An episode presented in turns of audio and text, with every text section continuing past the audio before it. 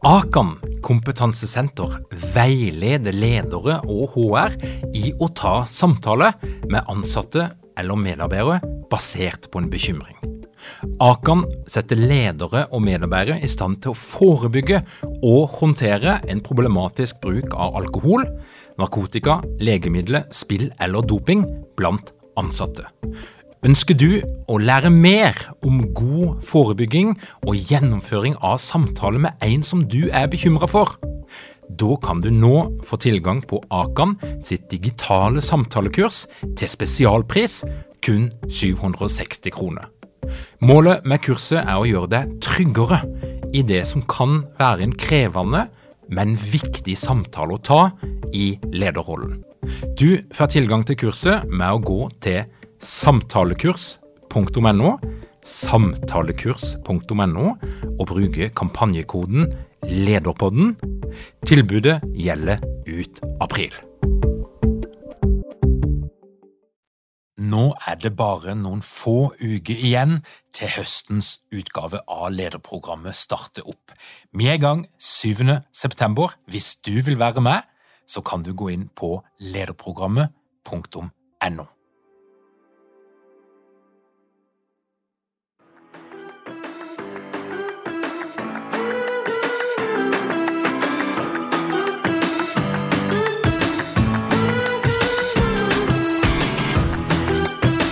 Velkommen til Lederpodden.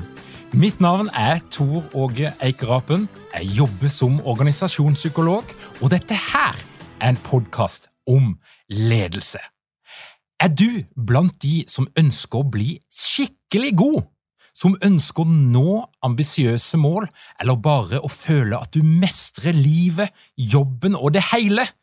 Da bør du høre godt etter på dagens episode.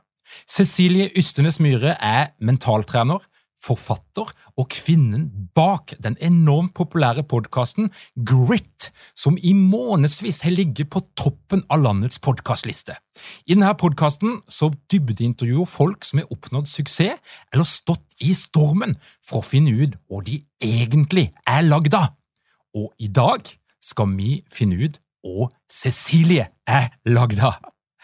Velkommen til Lederpodden, Cecilie. Tusen takk, Tor Åge. Det er kjempegøy å endelig få besøke Lederpodden. Tusen takk, Cecilie. Jeg har jo gleda meg enormt lenge til denne dagen. Ehm, du kom jo seilende opp på denne plassen som vi lenge hadde hatt alene på podkastlistene, og bare mm, tok den plassen, og jeg holdt den veldig lenge. Så jeg må jo innrømme at uh, når det skjedde, så ble jeg jo utrolig nysgjerrig på å finne ut av hvem er den her Cecilie som lager de her fantastiske podkastene? Ja, Det er veldig raust av deg å si, Tor Åge. Eh, det var ikke forventet. Eh, og så er det veldig gøy må jeg si, å dele plassen med deg, da. Det må jeg jo si. ja. Men du jobber som mentaltrener. Du har et eget konsulentselskap, og du har gjennom de siste 15 årene eh, drevet på med det som du er lidenskapelig opptatt av. Og så tror jeg òg Jeg hørte et rykte om at du egentlig kom fra Kongsvinger, stemmer det? Ja, det stemmer. Bra det research. Stemmer. Ja, altså jeg er jo, veldig, jeg er jo fra Vennesla, så jeg liker jo alt som har med bygdebakgrunn å gjøre, og, tenker at det er viktig å få fram. Men, men hvis vi da gjenger litt sånn tilbake til Kongsvinger, når var det du skjønte at det var mentaltrener du skulle bli? Ja, det er veldig Veldig godt spørsmål. Jeg, jeg, visste nok ikke at det var mentaltrener jeg skulle bli, men jeg var veldig fascinert av psykologi. Eh, og det hadde sin kilde. Det var faren min, eh, som eh, da var først keeper i, i Tippeligaen, og senere ble trener, og så jobbet han som banksjef senere i tiden. Og hvor liksom, rundt dette middagsbordet så var det veldig mye psykologi vi diskuterte. Eh, og når ikke forkjærligheten var så veldig høy for matematikk og eh, historie og veldig mye av de andre typer fagene, men rett og slett kommunikasjon, da, mennesker. Eh, så, så, var det veldig klart for meg hva jeg hadde lyst til å studere på universitetet når jeg var ferdig på videregående. Så veldig sånn heldig med at jeg kjente på et sterkt kall tidlig mot det. Mm. Men så kunne du jo gjort det som mange gjør. Det er jo å skaffe seg en ordentlig jobb det er å få fast lønn, trygge rammer, forutsigbarhet og, og ha det fint. Men det skulle ikke du. Du har jo nå i mange år drevet ditt eget selskap, Raw Performance, eh, og bygd opp det til å bli et, et konsulentselskap med flere ansatte. Og eh, du, du, kjenner jo sikkert av og til på at det er mange gleder som følger med det å drive for seg sjøl, men det kan òg være ganske skummelt, og du utsetter deg sjøl for en del eh, ugreie ting som andre folk slipper. Og hva er det som driver deg til å ville gjøre din egen greie på din egen måte? Ja, Det er et veldig godt spørsmål. og Det er lenge siden jeg har fått det spørsmålet, så, så nå må jeg tenke litt. Men ja, mye av det handler nok om at jeg elsker frihet. Eh, og, og, også veldig ærlig, jeg liker å bestemme ting selv. så jeg, jeg, har lenge sånn tenkt på hvordan ville det vært å vært lederen min nå. Uh, men, men, nei, jeg elsker frihet. Jeg elsker å kunne jobbe også kreativt uh, med å hele tiden utvikle fagområdet litt sånn ut fra egne egne ønsker og interesser og hva jeg ser er behov i markedet. Eh, og så er det denne lidenskapen for faget som jeg syns er så gøy. Eh, og så har jeg en veldig sterk overbevisning i bunnen at når du jobber med noe du elsker, så, så, går det som regel veldig veldig bra. Og, og, klart etter 15 år så har jeg fått ganske mange bevis på at det går veldig veldig fint. Så jeg ser jo ikke på det som noe sånn risiko eh, i dag, så lenge jeg legger ned jobben som skal til. Eh, og det, ja, det går fortsatt veldig fint. Og så er jeg veldig ydmyk også på at eh, det er ikke noe man skal ta for gitt i det hele tatt. Så det, det er som alt annet hardt arbeid å lære av feilene sine veldig raskt. Um, og så er jeg veldig heldig å ha veldig mange fine folk og flinke folk rundt meg som eh, hjelper meg på reisen. Mm. Du legger jo ned en ekstraordinær innsats. altså Du skriver bøker, du lager en podkast, altså du, du, gjør noe mer. og Det er ganske tydelig at du brenner for det du holder på med. Og, og så vet jeg jo, da, for jeg har lest boka di, at du har vært igjennom en tøff graviditet. Eh, covid traff deg som alle andre i, i pratebransjen sikkert relativt hardt de første ukene eller dagene. Og, og da lurer jeg på, når ting er tøft, da, hvilke av dine egne metoder og dine egne teknikker er det du bruker mest av? Ja, det er, det er, et godt spørsmål. Jeg tror veldig mye er automatisert. Men jeg tror liksom det er et sånn førsteinstinkt når kriser oppstår, eller det er vel, så er det veldig mye sånn at nå er det veldig opp til meg selv. Eh, og, og instinktet mitt er bare å jobbe hardere. Eh, rett og slett ta kontroll på det jeg kan ta kontroll på, og fokusere på å gjøre det veldig, veldig, veldig bra. Um, og der har jeg nok veldig høy selvtillit etter mange år og sett at det har funket før, ergo det funker nå også. Uh, det skal veldig mye til for at det ikke gjør det. Uh, og så har jeg som jeg sa, mine mentorer, mine som jeg lener meg på når jeg ikke vet helt sikkert, og, og legger makten i dems råd og, og følger best practice. Så det, så det, er nok noe av det første jeg, første jeg gjør. Og er vel heldig på litt den måten at jeg liker nesten mer å jobbe litt under press og sånne settinger enn i flyt og veldig mye medgang. Det er nesten litt sånn, sånn rart på det. Ja.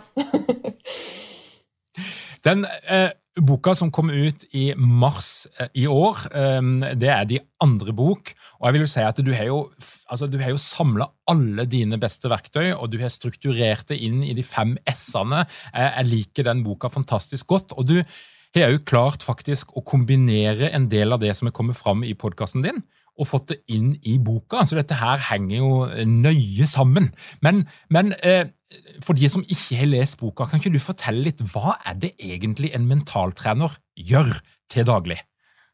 Ja, det er et godt uh, spørsmål. Eh, nå jobber jeg veldig så mye med som, som, ledertrener kanskje nå om dagen, som mentaltrener, men, men, det vi gjør, er jo å hjelpe kundene våre å bli mer effektive i sin måloppnåelse. Eh, som Jeg sier, jeg er ganske ydmyk på at jeg tror at de fleste der kommer til å nå målene sine uavhengig av min hjelp, men jeg kan gjøre dem mer effektive ved å bruke eh, både verktøy og innsikt og erfaring vi har fra de siste 15 årene, fra ulike psykologiske retninger. Eh, enten det er Noe er fra kognitiv psykologi, andre ting er fra eksistensiell psykologi, noe er fra idrettspsykologi. Og, og jeg har liksom ikke tro på én retning, jeg, jeg tror på ulike verktøy, ulike settinger.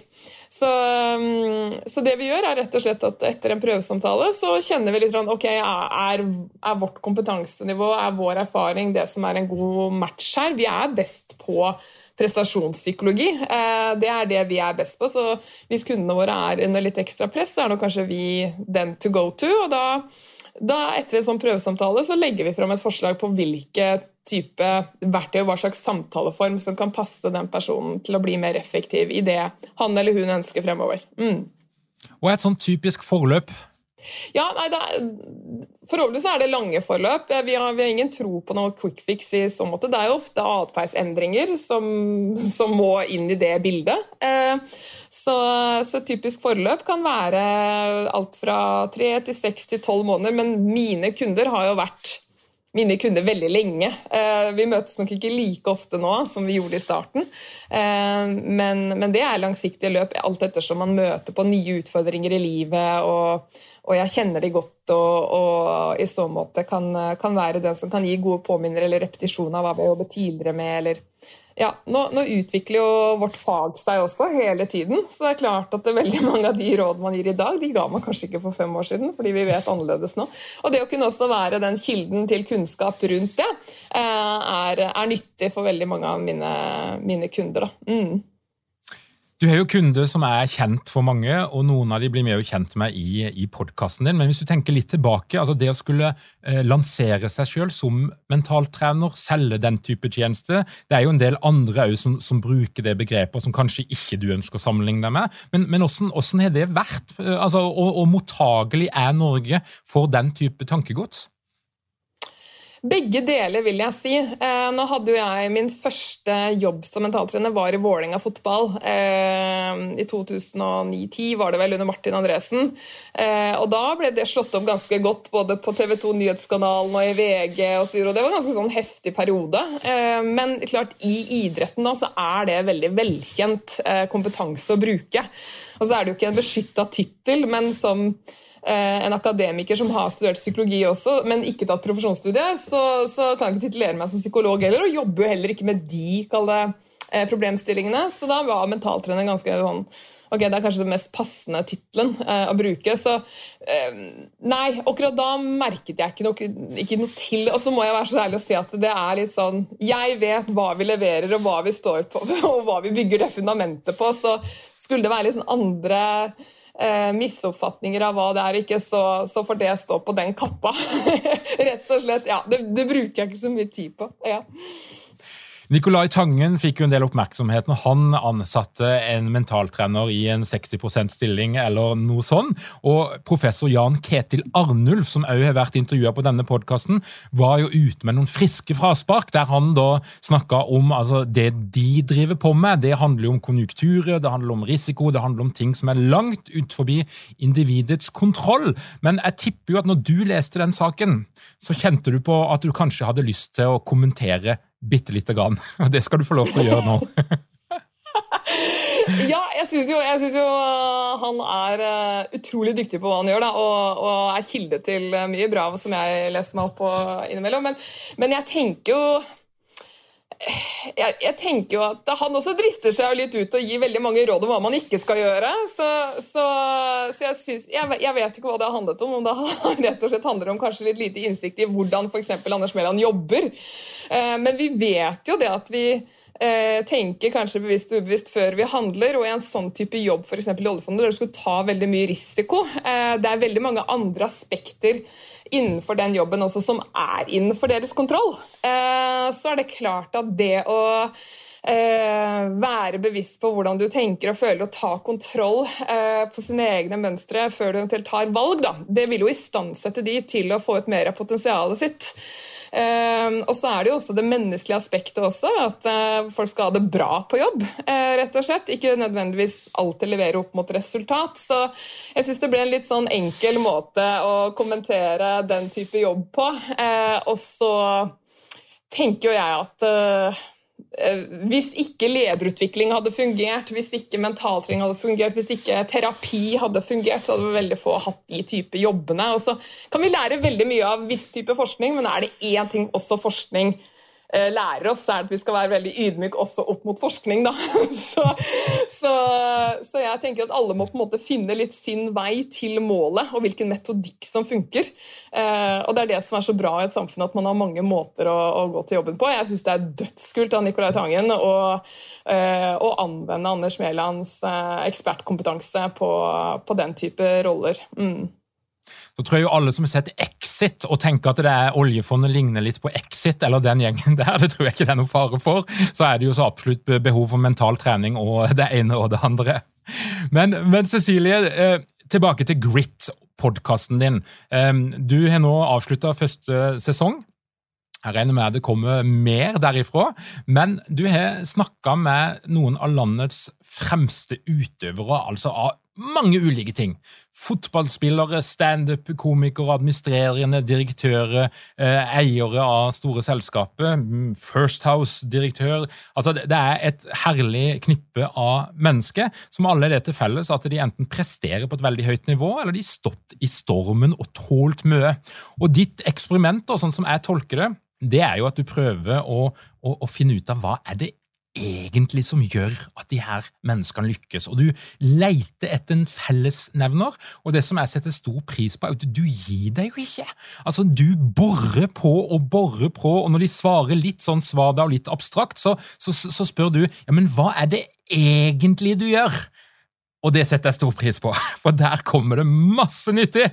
Ja, det er veldig hyggelig du sier og, og, og, det jeg først og fremst lurer på, det er jo gjennom alle de her dybdesamtalene Og dette her er jo folk som du, en del av de kjenner du godt ifra før, så du vet litt mer om de enn det vi hører i podkasten. Men, men, hvis vi nå skal oppsummere, da, hva, hva er det som preger de her folkene?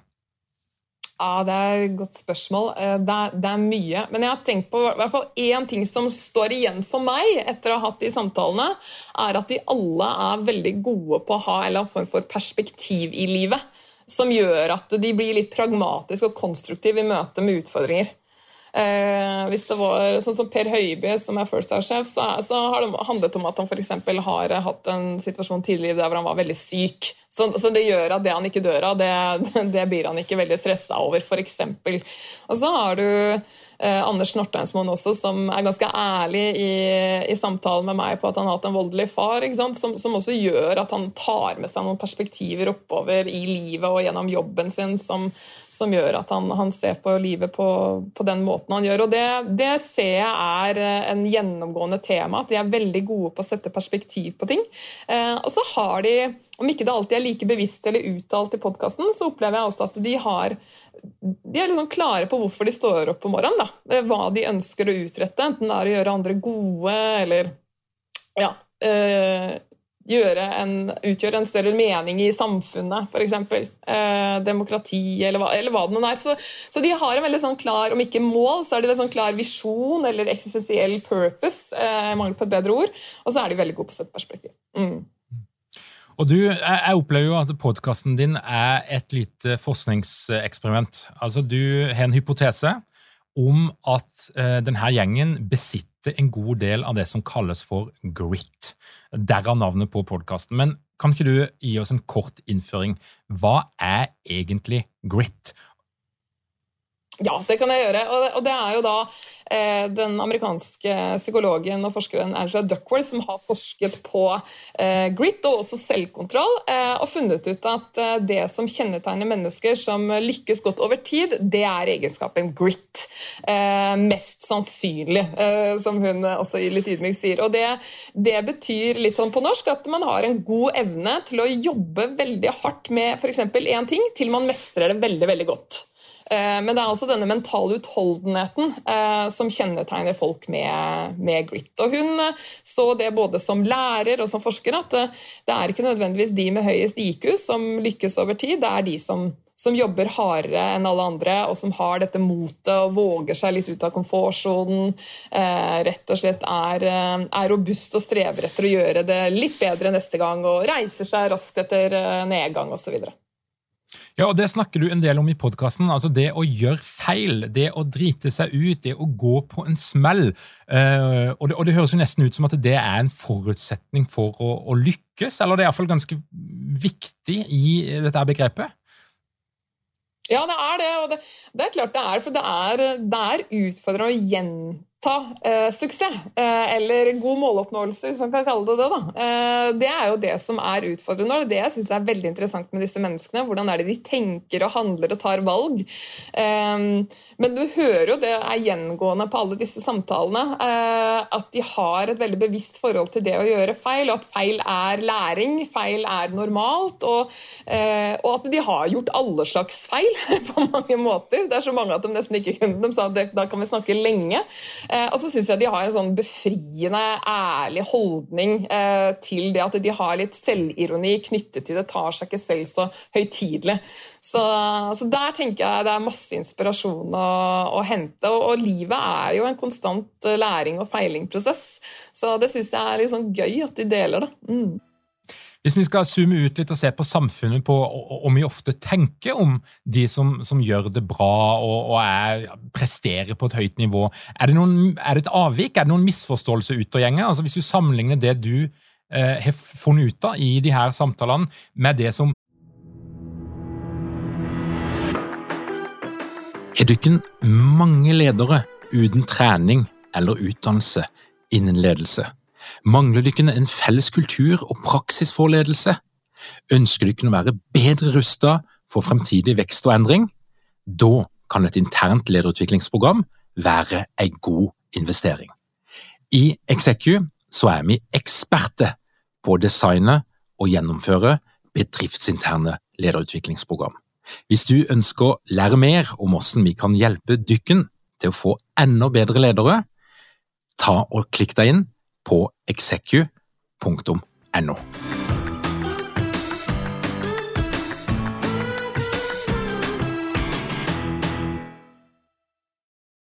folk flest eller influensere eller media prøver å fortelle oss om de som lykkes? Er det, noen, er det noe vi har misforstått? det er et godt spørsmål.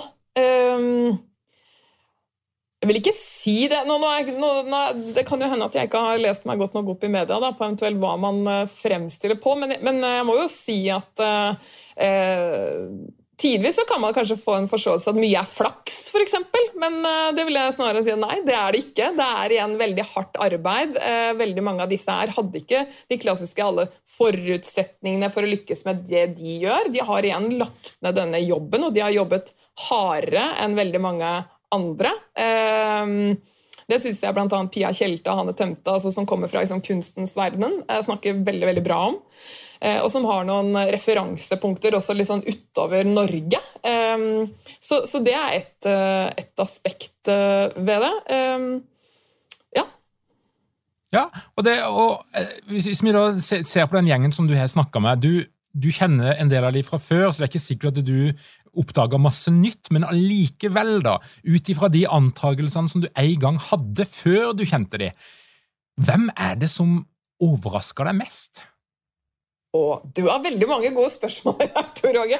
Um, som imponerte meg mest? Ja, Overraska deg eller imponerte deg? Overraska meg mest, var, meg mest, var det du sa. Um, at uh, Jeg var faktisk ikke klar over uh, den barndomshistorien til Anders Northeimsmoen. Uh, og han er jo liksom, I den tidligere rollen han har hatt også, så har han jo um, vært veldig profesjonell. sånn Han har holdt veldig klart skille mellom eh, hans private historie eh, og, og, den jobben han har. Så det, det, at Han var, han startet jo samtalen litt med det, og det, det var jeg veldig da, da, kjente jeg at jeg våkna ganske greit og ble eh, ja, Det gjorde veldig inntrykk, eh, som kanskje forklarte meg enda mer om eh, hvorfor han har hatt de holdningene han har hatt, og angrepet ulike situasjoner som han har gjort. Da. Så det ga veldig inntrykk. Og så er jeg jo kanskje litt overrasket over at flere sier at de nødvendigvis ikke alltid har hatt de der klare målsettingene om å komme i ulike roller. Det ble jeg litt overrasket over. Jeg trodde flere var mye tydeligere rundt det. For målsettinger er også et viktig verktøy i, jobben min som mentaltrener. Det er mye av det vi trener andre i. Eh, og jeg selv som gründer har veldig tro på det. Eh, men det er veldig gøy å se at det er mange veier til mål, eh, og at man ikke nødvendigvis trenger å tenke at jeg vil bli leder om ti år for å bli leder, f.eks. Så det ble jeg kanskje litt overrasket over. Og utover det så ga alle veldig mange gode perspektiver som jeg også har tatt med meg, selvfølgelig. Mm. Og når du hører på de her menneskene, er det noen du kjenner deg mer eller mindre igjen i? Altså, Fikk du noe sånn der, Kobla du på noe av deg sjøl i det du hørte? Oi, oi, oi, skal vi se Jeg tror nok at jeg kan kjenne meg igjen i denne eh, Det at man elsker det man holder på med, og da er man villig til å jobbe veldig hardt. Eh, fordi man tenker på det mer som liksom noe man er interessert i. Det, og det snakka jo Fridtjof Lund om også. Du må, du må liksom elske det du holder på med. Du må like det du holder på med. Og det er jo veldig sånn grit-egenskap også. At du eh, går for det som interesserer deg. Det er da du blir god i det. Eh, og det, det, er jeg ganske sånn klar på selv å kunne kjenne meg igjen i. At jeg, jeg, liker å bygge på styrkene mine. Jeg liker å gå for det som interesserer meg. For det som ikke interesserer meg, vet jeg at jeg ikke vil sannsynligvis ha den samme innsatsen på. Da, da vil det være en liksom langt, langt lengre vei. Eh, selv om man må også gjøre ting man ikke liker. Så, så det kunne jeg kjenne meg igjen i. ja. Du møter jo mange forskjellige folk, og noen av de er jo i såkalte høypresterende miljøer. De har allerede et tankesett som er ganske godt rigga for prestasjon. Men jeg vil jo anta at privat og ellers så treffer du en del helt vanlige folk òg. Og det jeg lurer på, det er hva er det helt vanlige folk kan lære av dine metoder for å få det bare litt bedre i livet, eller mestre jobben litt bedre, eller de litt mer små tingene? Ja. Jeg må være så ærlig å si at jeg syns ikke hva skal jeg si, prosessene mine med typ, dette type klientelle som er i Grit, eh, skiller seg så veldig mye fra prosessene jeg har med eh, vanlige folk, hvis jeg kan si det sånn, i vanlige jobber. Vi alle møter på ulike utfordringer, enten det er i det private eller, eh, eller det er på jobb, f.eks., eller om det er eh, på skole, eller eh, hva det er. Så, så eh, det handler jo om at det å, å, bygge opp en robusthet, det å bygge opp en selvtillit, kjenne at man har verktøy til å kunne mobilisere opp en motivasjon i perioder i livet der man kjenner på litt de duppene. Eh, eller man tenker at vet du hva, jeg, jeg syns det er spennende å se hvordan jeg kan utvikle meg selv ytterligere mentalt. Nå er jeg ganske god på det jeg gjør rent kanskje teknisk på jobb, men det, hva skjer hvis jeg blir enda råere på å kommunisere eller enda mer målretta? Eh, hva skjer da? Og og det, det, det, det jeg opplever eh, hva skal jeg si, alle folk syns er veldig spennende, enten de går på kursene våre eller de kommer i en-til-en-prosessen, at det er en sånn eh, påfyll for personlig utvikling som kan gi seg gjenspeil i mange områder i livet, enten det er som mamma, pappa, eller eh, i familie eller på jobb, eller hva det er. Så, så, stort sett så har vi alle noen ting som kanskje distraherer oss fra å få ut, litt klisjéaktig sagt, da, men den beste versjonen av oss selv. Eh, og Da syns jeg det er fantastisk at eh, psykologiens forskning har kommet så langt at vi ser at det er noen ting vi kan trene på som gjør at vi klarer å minimere de tingene, slik at vi oftere og raskere kan kanskje være, leve litt i tråd med hvem vi er og hva vi står for. Da. Og på den måten ha det enda bedre med oss selv og de rundt oss. Mm. Og De lederne og andre som du møter, hva er det de vanligvis sliter mest med? Hvis vi skal være litt generelle nå, og litt sånn overfladiske, hva er, de, hva, hva er det de kommer til deg med av, av problematikk? Jeg vil si, altså, altså, Du har liksom to typer. Du kan liksom si at Hvis vi skal gå den veien, da, så kan du si at noen har, har, kan slite skikkelig. De har kanskje tatt på seg en jobb de de ikke nødvendigvis har veldig lang erfaring med fra før av, og kjenner at nå, nå, er vann, altså nå, er, eh, nå er jeg gått på dyp vann her, så, så, nå trenger jeg virkelig hjelp til å rydde hodet, tenke klarere, eh, få ned pulsen, sånn at jeg kan bruke de ressursene jeg har i meg.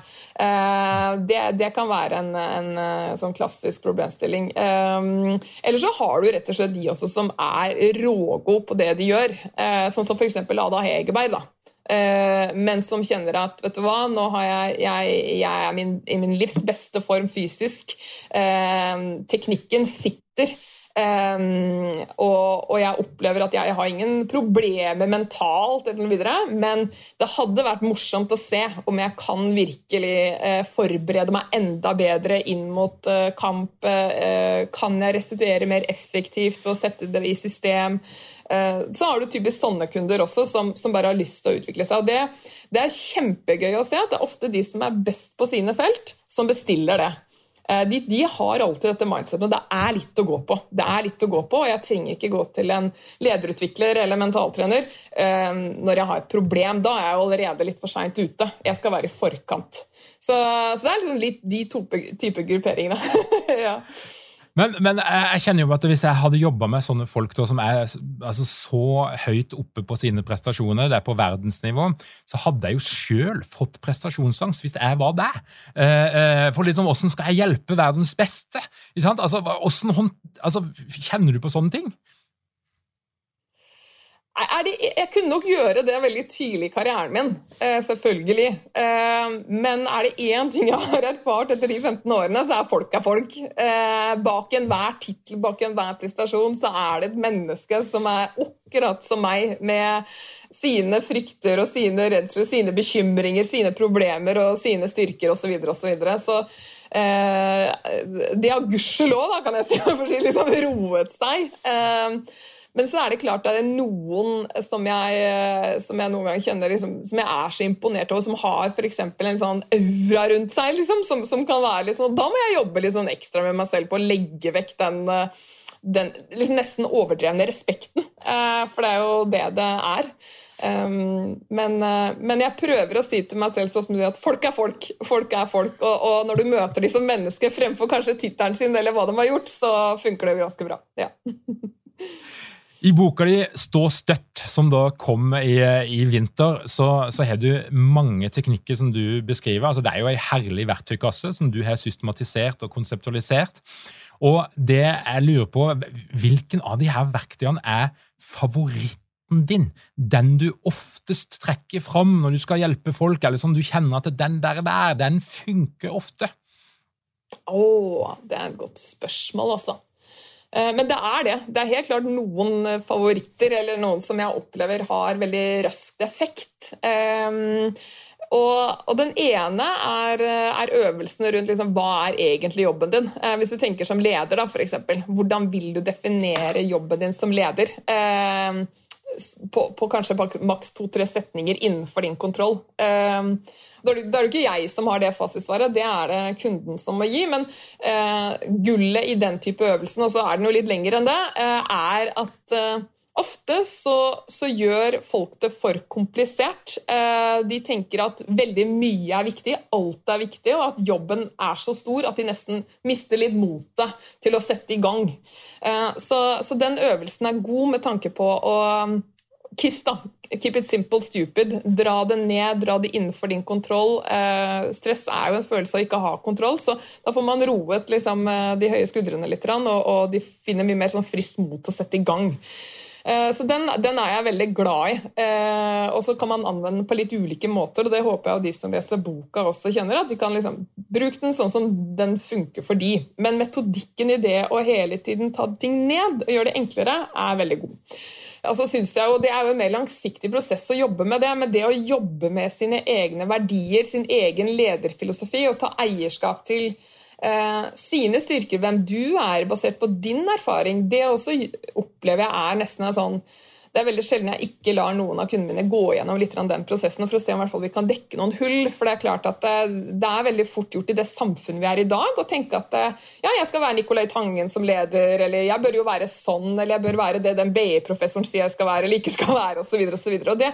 Da er man litt på bærtur. Eh, liksom, jeg tenker at vi må ta eierskap til hvem vi er, og det er når vi er autentiske og tro mot oss selv, eh, at, at vi blir veldig gode på det vi er. Og så må vi feile og lære, ikke være så redd for det. Ehm, men da tar vi mer eierskap til den prosessen også. Så jeg er veldig glad i å jobbe med lederfilosofier, verdier. Eh, gjøre ting enklere, i hvert fall når vi står under press. Eh, og så liker jeg også veldig godt ehm, A, B, C, E. Det er en øvelse litt lenger ute i boka som folk heller får bla opp. Eh, men det, det, der med å refokusere, ha en, ha en enkelting for å refokusere mellom settinger, ledermøter når man kommer hjem og skal inn i familiesfæren og legge jobben bak seg sånn, det er jo noe som kaller operative yrker jobber veldig bra med å bruke fordi det funker. Og da tenker jeg sånn, Hvorfor kan ikke vi mennesker som har maratonjobber, også bruke de teknikkene? Og de, de er i hvert fall veldig mange som gir tilbakemelding funker veldig bra. og jeg syns sjøl at du skriver veldig bra om det å holde frykt, negative tanker og tankefeller på avstand, som jo òg er en viktig greie. Og det å sette av dedikert tid til bekymringer, der du kan bekymre deg intensivt i noen minutter, men holde det vekke fra resten av dagen. Veldig bra. Ja, takk. Hyggelig at du sier det. ja. når en jobber, jobber med atferdsendring, så er jo det et veldig krevende prosjekt, for de fleste av oss vi ønsker jo ikke å endre oss. Altså, Vi ønsker jo bare å ha det annerledes, vi ønsker å oppnå et eller annet, men vi er jo vanvittig glad i vanene våre, perspektivene våre, måten å tenke på. Eh, og jeg opplever jo stadig vekk at uh, kona mi, som jeg jobber sammen hun kommer stadig med gode ideer, og jeg, min automatiske greie er nei, nei, og så en måned etterpå så kommer jeg med akkurat det samme sjøl, og har liksom gjort det til mitt, og da, da er jeg med på endringer. Altså, det er, det er krevende greie, dette her. Men, men når du er på jobben, så er det jo av og til du har foredrag, du kjører workshops, men selve atferdsendringa skjer jo ofte én til én. Når er det du kjenner at wow, dette her var en god dag på jobben, nå fikk vi til et eller annet her? Kan du huske noen sånn øyeblikk der du liksom bare merka at steik, altså! Der var det noen som tok et skritt utenfor den vanen de pleier å følge. Der var det noen som eksperimenterte og fant en ny og bedre måte. Har du noen sånne ja. eksempler som du kan komme på? Jeg må jo si at det, akkurat den derre knekken den kommer nok utenfor mitt rom. da. Eh, den, den, kommer kanskje når de kommer tilbake neste gang, og så har de tatt med seg den innsikten de fikk i vår sesjon, og så har de praktisert det. Eh, og så får vi testa det og, og, kjørt litt på det, og så kommer de tilbake. Det, det, det, skjer nok først og fremst der ute, men det er veldig gøy når man ser at uh, selvinnsikten øker. Eh, eller de knekker noen koder i, i sesjonene hvor vi kanskje finner ut hvor den den underliggende utfordringen ligger, hva det handler i, om. Eh, den, den, kan jo ofte komme, og da har du et helt annet utgangspunkt for uh, atferdsendring også. Um, så for eksempel så kan det være at uh, noen har en idé om, om hva som faktisk for er en stor stresstrigger, uh, og så graver vi litt dypere på det, eller vi ser det fra litt ulike vinkler, og så ser vi at det kanskje også er noe i tillegg, eller også noe helt annet, eller noe annet dypere, og så får vi jobbet litt aktivt med det, og så kommer de inn i samme situasjon neste gang, og så er det er det, er det litt lavere puls, f.eks., og de igjen kan kjøre mer på sine styrker. Det er en sånn eh, gjenganger ofte, da. Eh, men jeg må jo si også at det er, det er klart at eh, jeg er jo litt privilegert med at jeg jobber ofte da med, med, mennesker som, som, er i prestasjonsmiljøer. De går veldig tidlig i karrieren sin ut av komfortsonen. Da kjenner de seg selv ganske godt. Så, så jeg jobber sjelden veldig mye med bevisstgjøring. Jeg jobber jo veldig mye mer med selvregulering. at de her er svakheten og styrkene mine, Cecilie. Nå må jeg på en måte minimere de litt. Jeg, er på en måte ferdigprata om, om hva som forhindrer meg. Så, så jeg er jo veldig privilegert med dedikerte kunder som er villige til å legge ned innsatsen, og som syns bare sånn Utfordre meg gjerne mer. Jeg vil endre på dette, og de er villige til å legge ned innsatsen. Så, så ja, eh, det er litt, litt annet utgangspunkt. Nå har du levert to store prestasjoner i vinter. Du har skrevet ferdig boka di, du har fått henne ut, du har levert en fantastisk podkastserie, og jeg vet at du har en fullbooka høst, men Cecilie, hva er målet ditt for denne høsten 2021? Hva skal du oppnå? ja, for det første skal jeg noe eh, For jeg er eh, en ikke fullt så god grit-egenskap hos meg er jo at jeg veldig blir frista på nye landskap. Da. Jeg kan fort uh, få lyst til å nå skrive en tredje bok osv., men, men nå handler det om å levere kvalitet på de prosessene og prosjektene som jeg har signa opp for. Uh, det skal bli en ny sesong av Grit nå som kommer i september-oktober. Der er vi i gang med innspillingene, så det handler om å gjøre en god jobb på det. Og så er det alle de ledergruppene og prosessene og kursene og NTN-samtalene som, som jeg har dedikert meg til. Det handler om å levere kvalitet for de. Eh, og så, så, har jeg sagt til folka mine også at eh, når det kommer til raw performance og veien videre, så har jeg lyst til å bruke jula på å se liksom hva, hvor skal vi ta selskapet rundt neste hjørne, for nå har det skjedd mye de siste åra. Så, så, jeg har sagt at i år så har jeg lyst til å, om ikke i mangel på et bedre ord også kanskje leke meg, så er det noe med å liksom nå bare, etter korona, eh, nyte det å få møtt folk eh, og ja, møtt folk og rett og slett kunne være litt nær de og fysisk og, og, levere på de tingene som er Det er masse kult som skjer, så det handler om å levere kvalitet. ja. Og Hvis vi tenker enda lenger fram, nå har du tatt posisjonen, da vil jeg påstå, eh, og det stender for min regning, som Norges fremste mentaltrener. Eh, og, og, og, den er det ingen som kan ta, ta fra deg. Men, men, men, hva vil du eh, enda lenger fram? det, var, det var veldig røft sagt av Tor Åge. Hva vil jeg enda lenger frem? vet du hva? Min visjon eh, i, i, dette arbeidslivet handler jo om å hjelpe andre mennesker eh, ved hjelp av den, den, kunnskapen og erfaringen jeg har. Hvis jeg kan bidra og hjelpe noen liv til å ha det litt bedre, så er jeg veldig glad. Så, så jeg har alle, alle, ting jeg gjør, skal lede til å hjelpe andre. Det handler ikke om meg, det handler om andre.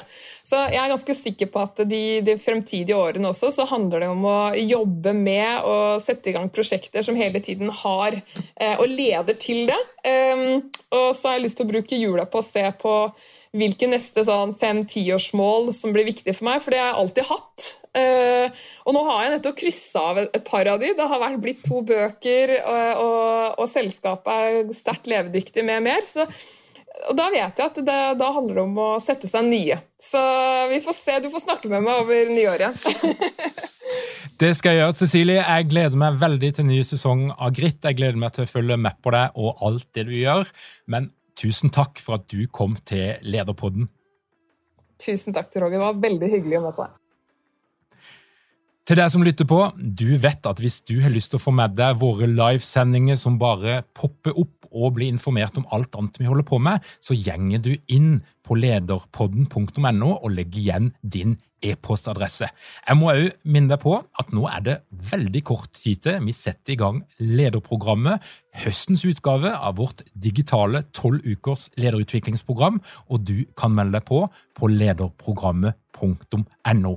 Tusen takk for at du hører på Lederpodden. Jeg ønsker deg ei veldig god uke, og husk, ny episode kommer til fredag.